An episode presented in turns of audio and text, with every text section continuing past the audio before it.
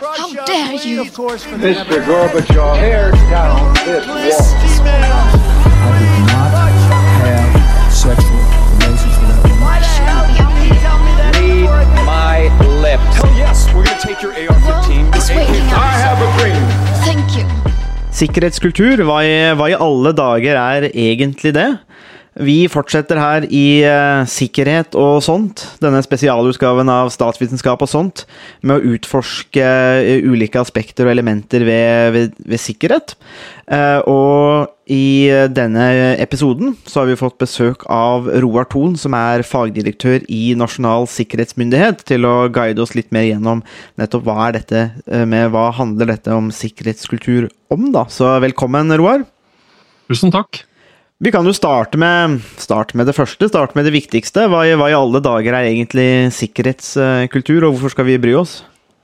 Ja, hvorfor skal vi bry oss? Eh, Hvor skal vi egentlig starte hen? Hvis jeg starter med en sånn teoretisk-akademisk definisjon, da, som er kanskje passende i det øyeblikket her, så, så lagde vi, og jeg var med på å lage den selv, helt tilbake i 2005-2006, så lagde NSM sin egen definisjon fordi vi ikke fant noe godt på norsk. Og det var kort at sikkerhetskultur er summen av de ansattes kunnskap, motivasjon, holdninger og atferd som kommer til uttrykk gjennom virksomhetens totale sikkerhetsatferd. Det er liksom den formelle greia. Altså med puste når jeg, når jeg sier, sier den setningen. Eh, og det er en veldig tradisjonell på mange måter definisjon av kultur, og så har ordet Security culture, eh, sikkerhetskultur, det har vokst veldig siden den tid. Så det, man finner en rekke ulike definisjoner eh, og variasjoner. Men eh, etter å ha holdt på med dette her noen år, så ønsker jeg i realiteten, og jeg skjønner jo behovet for klare, konsise akademiske definisjoner, men jeg ønsker egentlig å si følgende om sikkerhetskultur. Sikkerhetskultur er et typisk eksempel på at vi sikkerhetsfolk har putta ordet sikkerhet foran allerede eksisterende ord og begreper. Fordi det jeg egentlig ønsker at folk skal tenke på når de hører ordet sikkerhetskultur, er at de heller skal tenke virksomhetskultur og organisasjonskultur.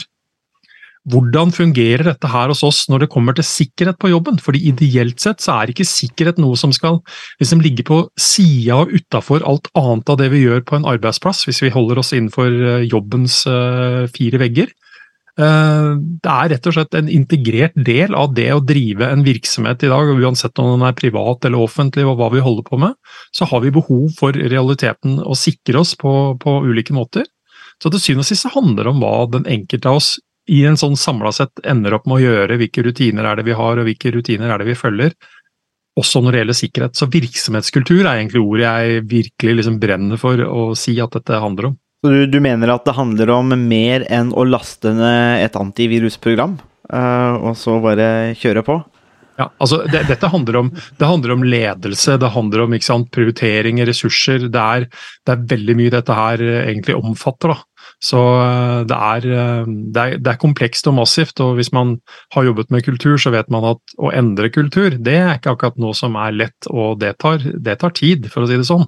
Men når vi bruker sånne nyord som sikkerhetskultur egentlig er, så har vi fått sånne reaksjoner ute fra virksomheter når en av Norges aller største offentlige etater sa følgende om sikkerhetskultur for en del år tilbake. Nei, det har vi ikke implementert ennå. Akkurat som det er et slags sånn produkt vi kan kjøpe et eller annet sted. Mm. Eh, Fordi Min reaksjon da det er jo kort og godt at eh, da vet dere jo egentlig ikke hva det er. Fordi alle har en eller annen form for sikkerhetskultur. Spørsmålet er egentlig bare om man er god eller dårlig. Mm. Når du snakker sånn om det, så er jeg heller jeg veldig fort at den da sannsynligvis er dårlig. Ja, det, hø det høres jo sånn Når ut. du, når du legger eh, Eller når du snakker om forholdet mellom virksomhetskultur og sikkerhetskultur og, men Hvordan tenker du at man kan jobbe med å utvikle en virksomhetskultur hvor eh, sikkerhet er en integrert del? Eh, du var også inne på det at eh, det å jobbe med kultur er jo ofte vanskelig uavhengig av hvilken del av kulturen i organisasjonen man jobber med. Så hvordan er det man kan, kan jobbe med, med å endre kultur når det gjelder uh, sikkerhet, Uh, og så, så det blir en del av virksomhetskulturen til, eh, til bedriften eller virksomheten? det, altså, det er sammensatt, og det er klart at her, her tror jeg er veldig mye å velge men hvis jeg skal velge ut noen, da, så vil jeg én få vist fram en gang for alle at vi alle sammen egentlig driver med sikkerhetsarbeid i virksomheten, at vi allerede gjør det. Men vi tenker ikke nødvendigvis på at vi gjør det. Fordi jeg, Hvis jeg bruker følgende eksempel, la oss si at eh, jeg, eh, Roar fra Oslo, ringer inn til en eller annen på, som sitter med lønn og lønnsadministrasjon på høyskolen eh, hos dere, og sier at hei, det er Roar fra Oslo som ringer, jeg lurte på om jeg kunne få en liste over de 20 best betalte ansatte på høyskolen, med kontonummer, personnummer, masse forskjellig informasjon, alt du har egentlig. Så, så, så ville jeg jo ikke fått det. Jeg håper iallfall ikke jeg hadde fått det, for å si det sånn. Det vet jo aldri. Det. Nei, vet jo aldri. Men, eh, men, personen som sier nei, det kan du ikke få. Eh, jeg vil ikke gi meg, jeg krangler. Og kanskje vil en person kunne si at i henhold til den og den spesifikke paragrafen, så kan du ikke få det. Eller noen, noen avslutter samtalen med å si at vet du hva, det er sånn vi gjør det her på Høgskolen i Østfold, du, du får det ikke. Og så avslutter man den samtalen. Og den personen som har avvist meg, vil sjelden eller aldri tenke når man legger på røret, mer eller mindre at dette var en merkelig samtale med han der Roar, men de vil aldri i vesentlig grad tenke at nå har de utført et godt stykke informasjonssikkerhet og personvernarbeid. De, er, de tenker bare at de har gjort jobben sin. Altså, ikke sant? Så, så vi alle sammen forvalter i realiteten en rekke verdier, uh, men vi tenker ikke nødvendigvis på det som at vi driver spesifikt med sikkerhet. Uh, så det å få fram det poenget, at vi alle sammen driver med det, og at vi noen ganger kanskje skal bli litt bedre på det, litt mer bevisste på det, er et, er et poeng for meg. Mm. Men et av de aller viktigste tingene av det vi snakker om nå, det er jo å starte riktig sted. Fordi du kan ha gode fagmennesker som jobber med sikkerhet og brenner for sikkerhet, personvern, den type ting. Og de vil du som regel finne uh, lavt i organisasjonen, eller på sånn mellomnivå i organisasjonen. Uh, og de er altså så avhengig av å ha med seg toppen, i realiteten. Så for meg så er øverste ledelse en av de aller største faktorene på rett og slett å sette retningen og komme med eksempel, altså vise fram de gode eksemplene selv. Ta opp dette som et tema som gjør at man helt klart også tar det med seg videre og diskuterer det på om det er fakultetsmøter eller prosjektmøter eller hva det måtte være.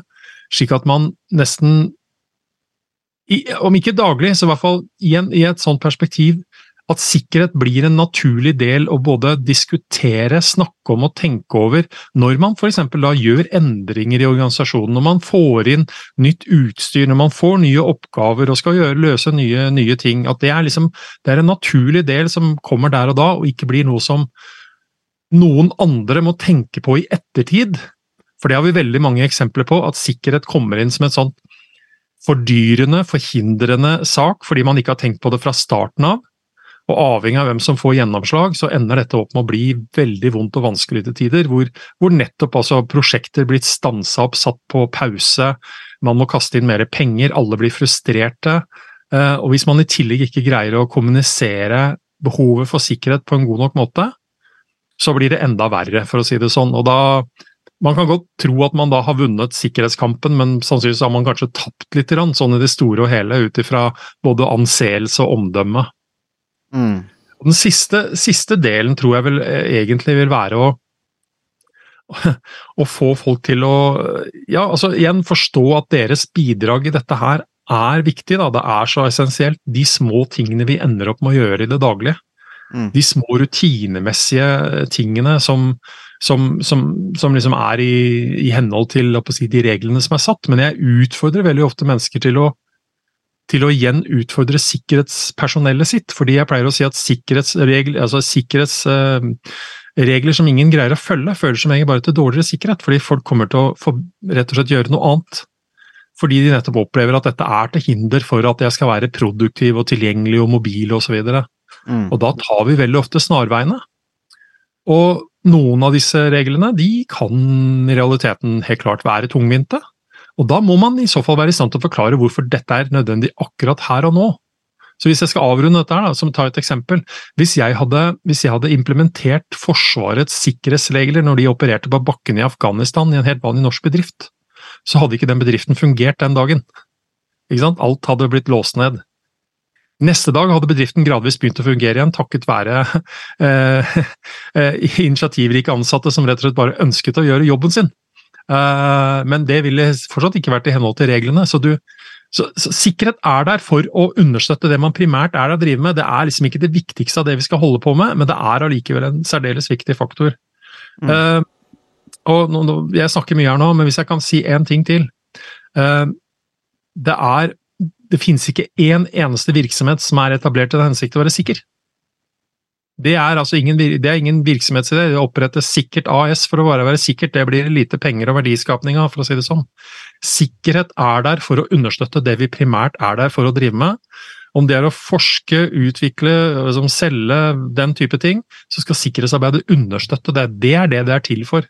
Og ikke som en sånn stor, gigantisk eh, greie i seg selv. Mm. Hvis, du, hvis du tenker eh, Hvis jeg kan spørre deg litt om eh, denne sikkerhetskulturen, eller kanskje også virksomhetskulturen, eh, i offentlig sektor, altså offentlige utdanningsinstitusjoner. Jeg har sett noen eh, undersøkelser som viser at utdanningsinstitusjoner bl.a. scorer veldig lavt eh, på, på en del av disse parameterne. Men hvordan, hvordan, hvordan skal man bygge, eller hvordan, hvordan ser dette ut i hverdagen for oss i offentlige utdanningsinstitusjoner i Norge? Hva, hva innebærer dette?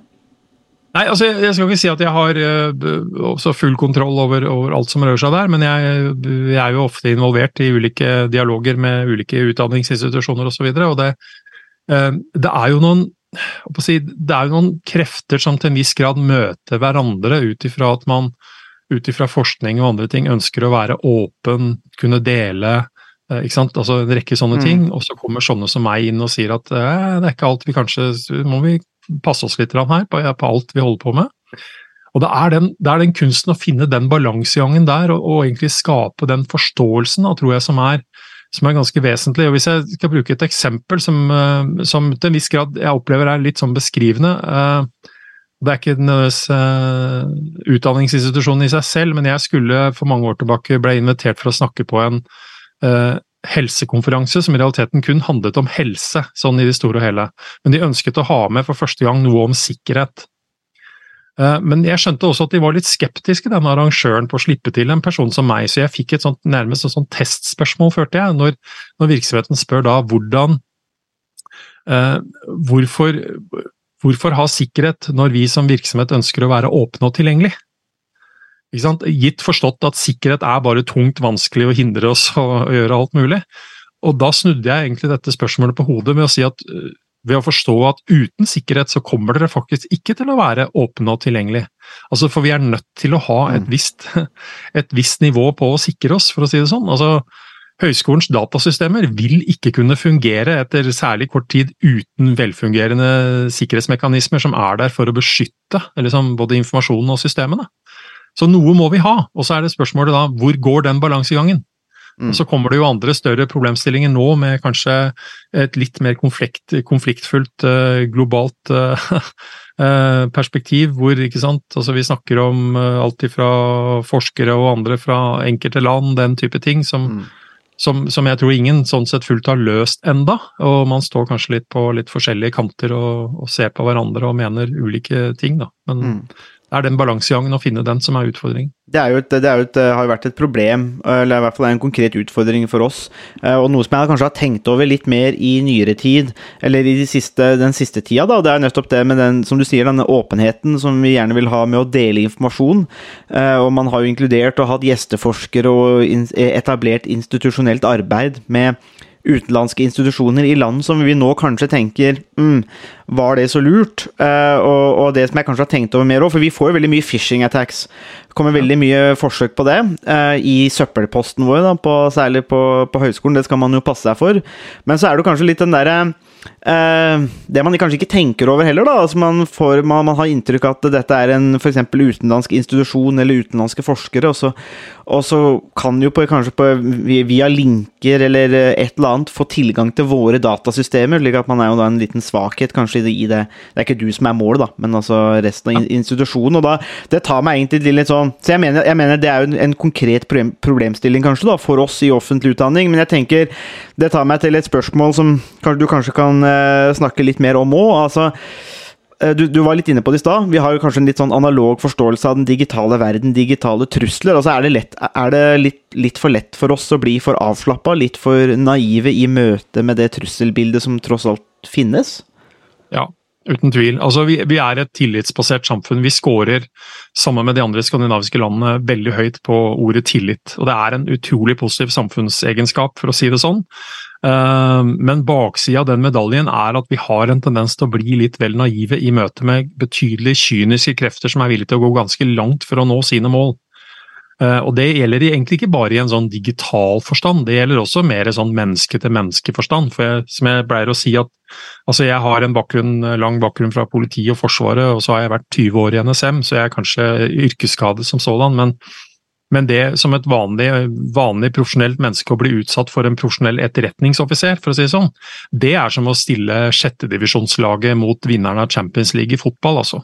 Mm. Uh, det er, det er, ting og elementer der som man aldri fullt ut vil fatte, fatte hva som skjer engang, før det til en viss grad er for seint, hvis, hvis, man ikke følger litt med og er litt mer skeptisk. Og så, så handler det jo ikke om det at vi skal gå rundt og mistro alt og enhver ting heller, fordi noen av de tingene du tar opp nå, handler for meg om verdivurdering. Altså rett og slett å vurdere de, den type informasjon, den type verdier som vi absolutt kanskje er nødt til å passe litt ekstra på. Og det er der vi skal være litt mer påpasselige med, å, med liksom slippe, hvem vi slipper til hvem som helst, for å si det sånn. Mm. Og så skal vi samtidig kunne senke skuldrene våre litt på andre ting igjen, og leve livene våre som sådan. Så det er liksom det er noe med at uh, vi er åpne mennesker som bruker alt fra sosiale medier og utleverer veldig mye, kanskje ubevisst og bevisst, om oss selv.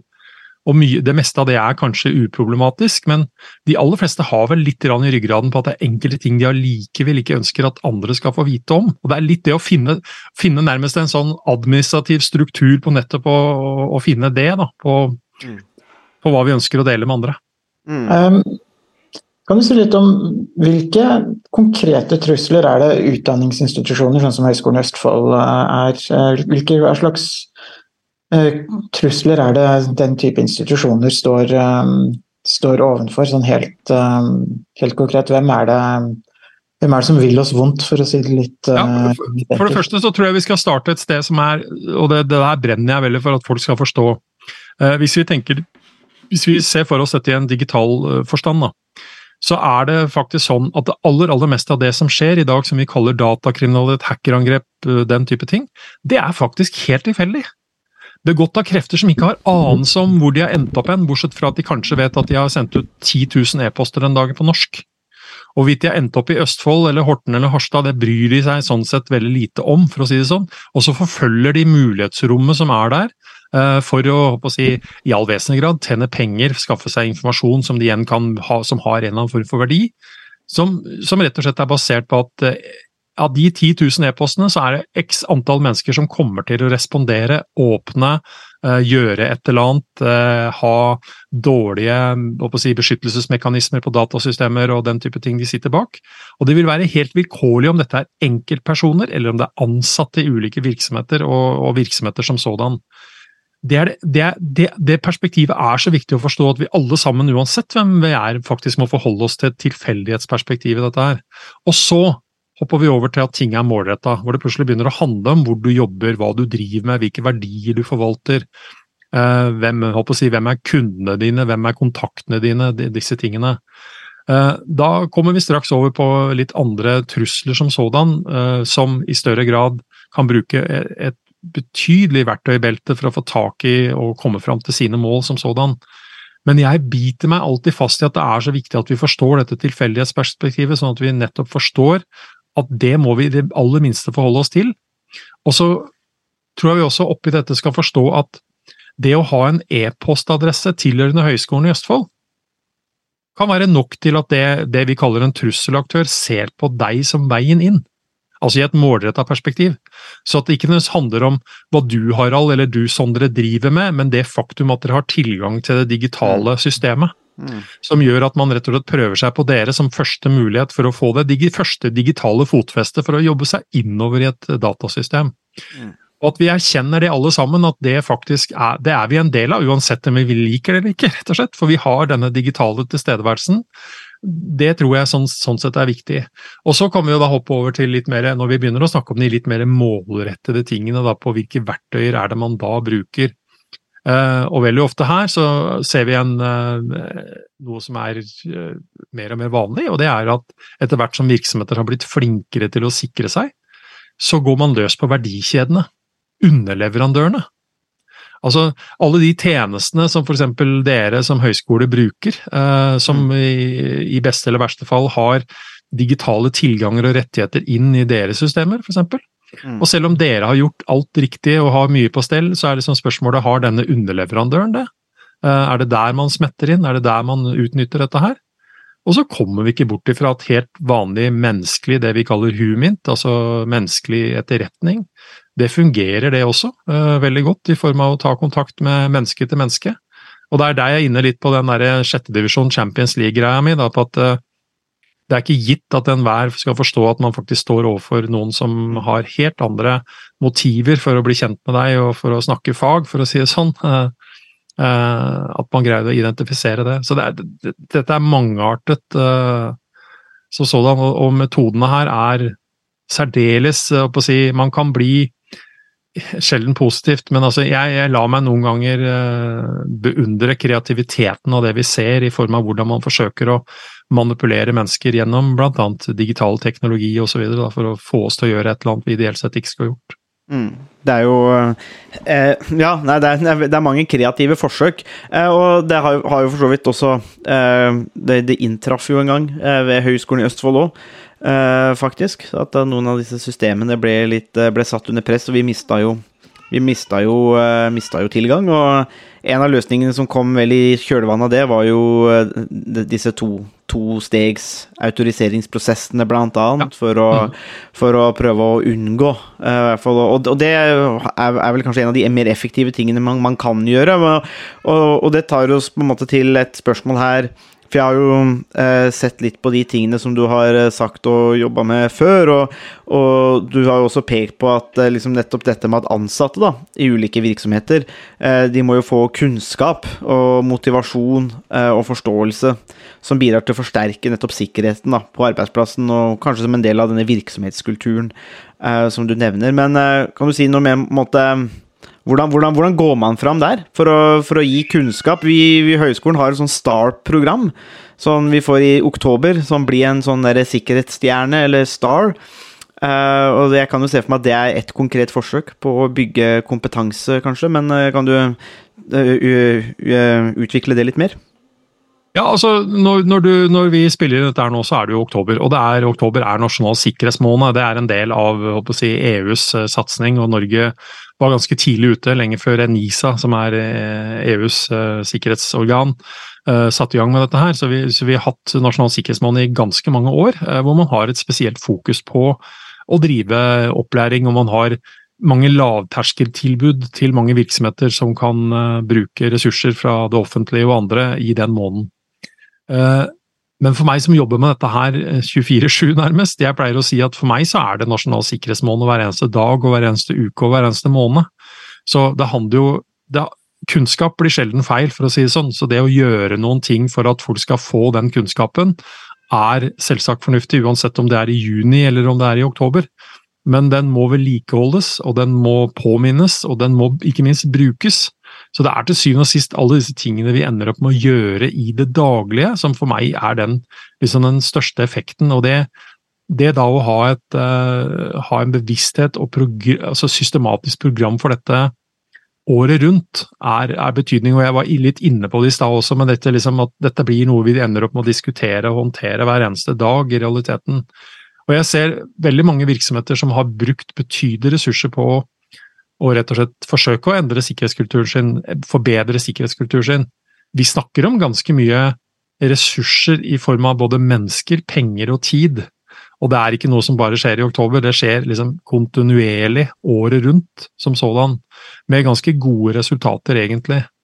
Men hvis jeg skulle ha liksom kokt det ned, da, for du var jo egentlig inne på at et av tiltakene var jo det jeg kaller multifaktorautentisering, totrinnsverifikasjon, ja. altså det vi egentlig kjenner igjen fra bank-ID på mobil alle sammen, når vi må ha noe mer enn bare brukernavn og passord for å logge oss på. Uansett hvor jeg er hen og snakker sikkerhet, så maser jeg fortsatt om at det er smart å ha gode passordrutiner. At det er smart å ta i bruk nettopp sånne ting som multifaktorautentisering.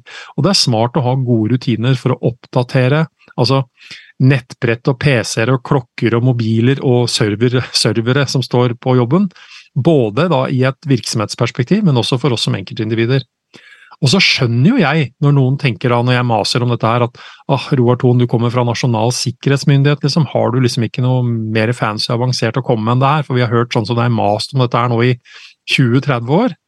Og da er veldig ofte svaret mitt, og jeg har full forståelse for det, men da er ofte svaret mitt at um, så lenge man hører sånne som meg mase om passord, multifaktorautentisering og manglende oppdateringsrutiner, er det fortsatt hovedårsaken til de aller, aller fleste vellykkede datainnbruddene i Norge i dag. Mm.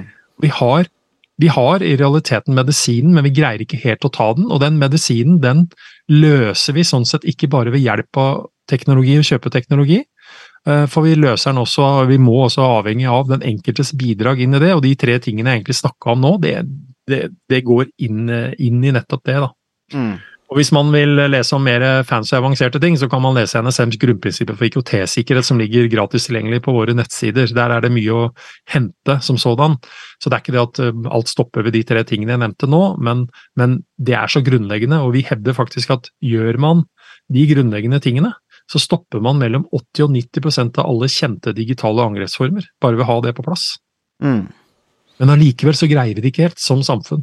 Mm. Sånn, sånn eh, passordmanager, hva, hvordan stiller NSM seg til det, og, og, du til det? Fordi at det er noe som man, Hvis man har et, et sånn master password da, til en sånn tjeneste, så kan man jo se fra da kan man Kanskje det kan være, bidra til å måtte gjøre noe med motivasjon. Da må man huske kanskje et litt komplisert master password, men så slipper man da å huske på 40 andre.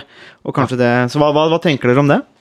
Jo, eh, på ingen måte noe imot det, men, men, eh, men nå tror jeg vi skal ta en litt annen vri på dette, her, som kanskje kommer til å overraske litt. fordi i snart fem eller seks år nå, så har, vi, så har vi kommet med et annet råd for faktisk å hjelpe folk til å håndtere dette på en annen måte. Fordi, du var allerede inne på det, passordrådene vi gir, de er at man skal ha unike passord, ett passord per tjeneste.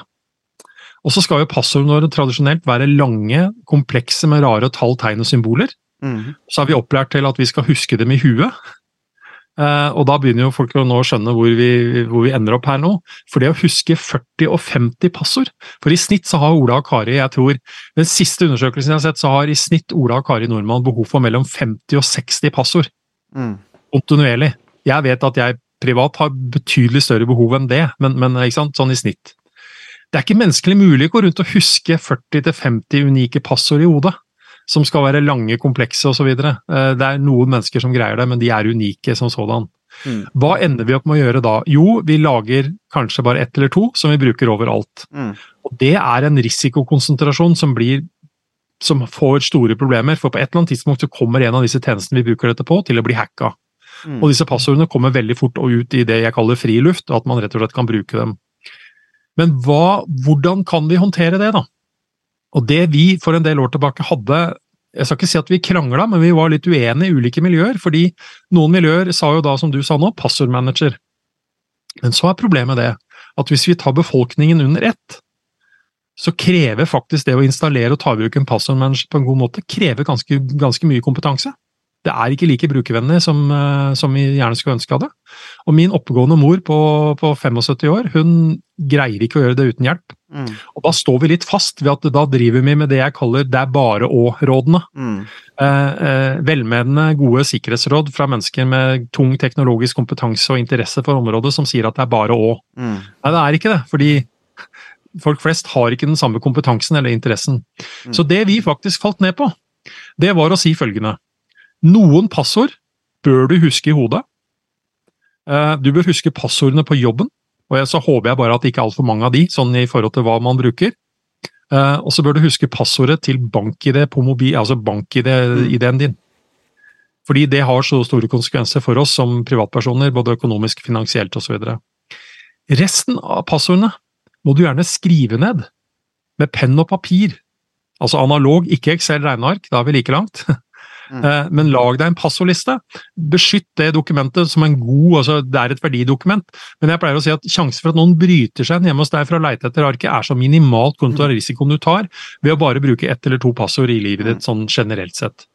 Den passordlista den trenger du normalt ikke å ta fram noe annet enn når du har bytta mobiltelefon eller skal plutselig logge deg på fra en annen enhet med, med masse forskjellige ting. Da må den lista fram. I det store og hele så lar vi nettlesere og sånt og huske passordene våre. Vi bruker ansiktsgjenkjenning på veldig mye på mobiltelefoner. Så lista trenger ikke å være med i baklomma. Men det er noen ting du bør huske i hodet. Bortsett fra da å skrive ned dette her, er det, er det helt kurant å bruke passordmanager? Selvsagt er det det, hvis du føler at du er kompetent til å gjøre det på en skikkelig måte. Men det kommer med risiko det også, fordi dette er honningfeller, for å si det sånn, for aktører som hele tida forsøker å bryte seg inn i passordmanagere, fordi der ligger jo enorme verdier når alle har tatt tatt i bruk som sådan. Så det handler litt om å ja, gjøre en vurdering der også. Så ja. Mm. Det er jo um Nei, det er, det er, som du sier, det er jo fryktelig mye å huske på. Uh, og det kan, kan, jo kanskje gå litt på det som, du, det som vi har snakka om òg, dette med motivasjon til å gjøre det noen ganger òg. For det kan jo bli så mye teknologisk at da går man for enkleste løsningen, og så velger man bare stort sett de samme tingene. Slik at man husker det, for det er så kjedelig å glemme det. og sånn, så det er jo, Men som du sier, sjansen for at noen gidder å bryte seg inn i et hus, den kostnaden er jo også ganske stor, da. Uh, du har jo liksom økt det ganske mye mer istedenfor å bare sitte bak datamaskinen og herje. Uh, når du faktisk skal reise til Halden for å bryte deg inn i huset til Harald. Hvor det, hvor det, det er en sånn interessant kobling mellom analog og eh, digital eh, sikkerhet når man eh, på en måte låser ned et ark i en, i en skuff også. Så, ja. mm. Så er, det noe, som, noe, av gamle, noe, av den gamle analoge sikkerheten som man kanskje tenkte på før, som, som faktisk også har en slags relevans i et digitalt samfunn også. Uten tvil. Mm. Nei, men det er, eh, det er, veldig bra. Takk for det, Roar. Det var veldig, veldig interessant uh, å, å, høre om. Og så får vi, får vi ta disse, disse kompetansehevingsøvelsene uh, som kommer fra høyskolen, de får vi ta på, på høye, største alvor. Uh, og, og, kanskje tenke da, at dette er ikke noe vi bare gjør i oktober, men det er også noe vi gjør stort sett hele året. All right, det var den. Mm. Jeg veit ikke, er det noe Nå går eh, det er Mikseren vår han eh, klipper det ut hvis det er noe, men er det noe vi burde ha snakka om som vi ikke fikk snakke om? Eller fikk vi dekket liksom det? Nei, jeg syns egentlig det ble en Jeg, snakker, jeg, vet, jeg snakker jo veldig mye, så Det er derfor du er gjest, da. Hva sier du? Ja, ja, det var derfor du er gjesten, da. Vi, vi, vi, jeg veit jeg er en rimelig selvgående gjest, for å si det sånn. Så det er vel egentlig spørsmål om det er andre ting dere følte at dere ikke fikk spurt om. Så jeg, Nei, altså jeg, jeg syns uh, vi fikk dekket ganske mye. Det som, det som, nok er litt sånn gjennomgående i en sånn virksomhet som, som vår, er jo det at mange tenker at uh, sikkerhetskultur det er, for, uh, det er ikke for meg. For jeg skal, være, jeg skal stå i klasserommet eller forske eller gjøre jobben min. Men vi låser jo alltid kontoret når vi, når, vi, går ut av kontoret. Så det er jo det der med på en måte virksomhetskultur versus sikkerhetskultur, det er jo noe vi eh, i hvert fall analogt eh, har litt i, eh, i ryggmargen. Mm. Men det digitale, der tenker vi kanskje at det er et skille som, hvor det er liksom de på IT som skal ta hånd om det. Ja. Mm. Mm. Takk for at du hørte på Statsvitenskap og sånt. Har du spørsmål, kommentarer eller tilbakemelding, så er det bare å ta kontakt på vår Facebook-side, per e-post eller brevdue. Musikken er som vanlig laget av Robin Horvath, og Mats Halvorsen mikser og redigerer podkasten. Vi høres!